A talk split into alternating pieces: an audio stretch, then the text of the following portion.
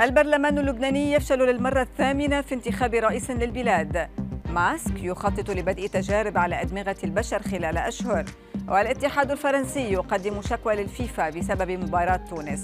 أبرز أخبار الساعات الأربع والعشرين الماضية في دقيقتين. على العربية بودكاست. للمرة الثامنة على التوالي فشل البرلمان اللبناني في انتخاب رئيس جديد للجمهورية رغم شغول المنصب منذ شهر وذلك نتيجة انقسامات سياسية عميقة بالتزامن مع انهيار اقتصادي متسارع تعيشه البلاد. وكالة الأنباء الفرنسية أفادت بأن 52 نائبا اقترعوا بورقة بيضاء مشيرة إلى أن النائب ميشيل معوض المدعوم من القوات اللبنانية وكتل أخرى حصل على 37 صوتا. فيما تعرضه كتل رئيسية بينها حزب الله التي تصفه بأنه مرشح بل مرشح تحد. وأضافت الوكالة بأن رئيس البرلمان حدد موعدا لجلسة جديدة لانتخاب رئيس للجمهورية الخميس المقبل. ما زال الملياردير الأمريكي إيلون ماسك يتصدر حديث وسائل الإعلام والسوشيال ميديا. هذه المرة باعلانه أن شركته نيورالينك ستبدأ خلال ستة أشهر بإجراء التجارب السريرية لاستخدام جهاز لاسلكي داخل الدماغ البشري.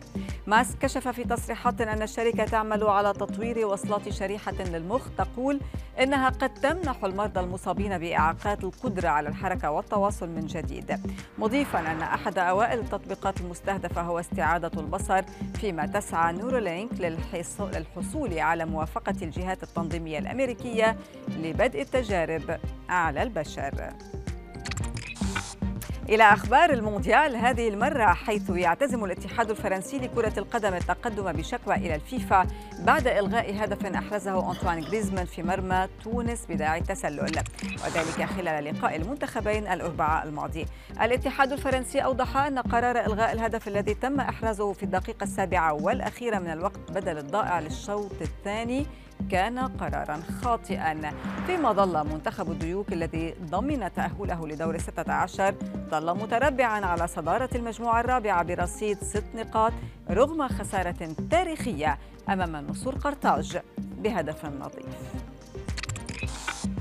بعيدا عن عالم الرياضة والسياسة أيضا أدرجت منظمة اليونسكو عناصر عربية ضمن قائمة التراث الثقافي غير المادي الخاص بها والتي تعتبرها المجتمعات وأحيانا الأفراد بمثابة جزء من تراثهم الثقافي. اليونسكو أوضحت أن القائمة تضمنت حداء الإبل من السعودية والإمارات وعمان وهو تقليد شفهي للنداء على قطعان الإبل مشيرة إلى إدراج المعارف والممارسات المرتبطة بزراعة البن الخولاني في السعودية ضمن القائمة أيضا والتي ضمت كذلك أكثر الأطباق شهرة في الأردن وهو المنسف الأردني.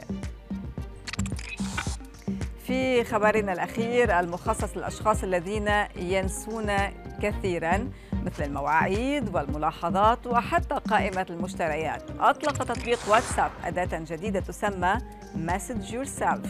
أي راسل نفسك.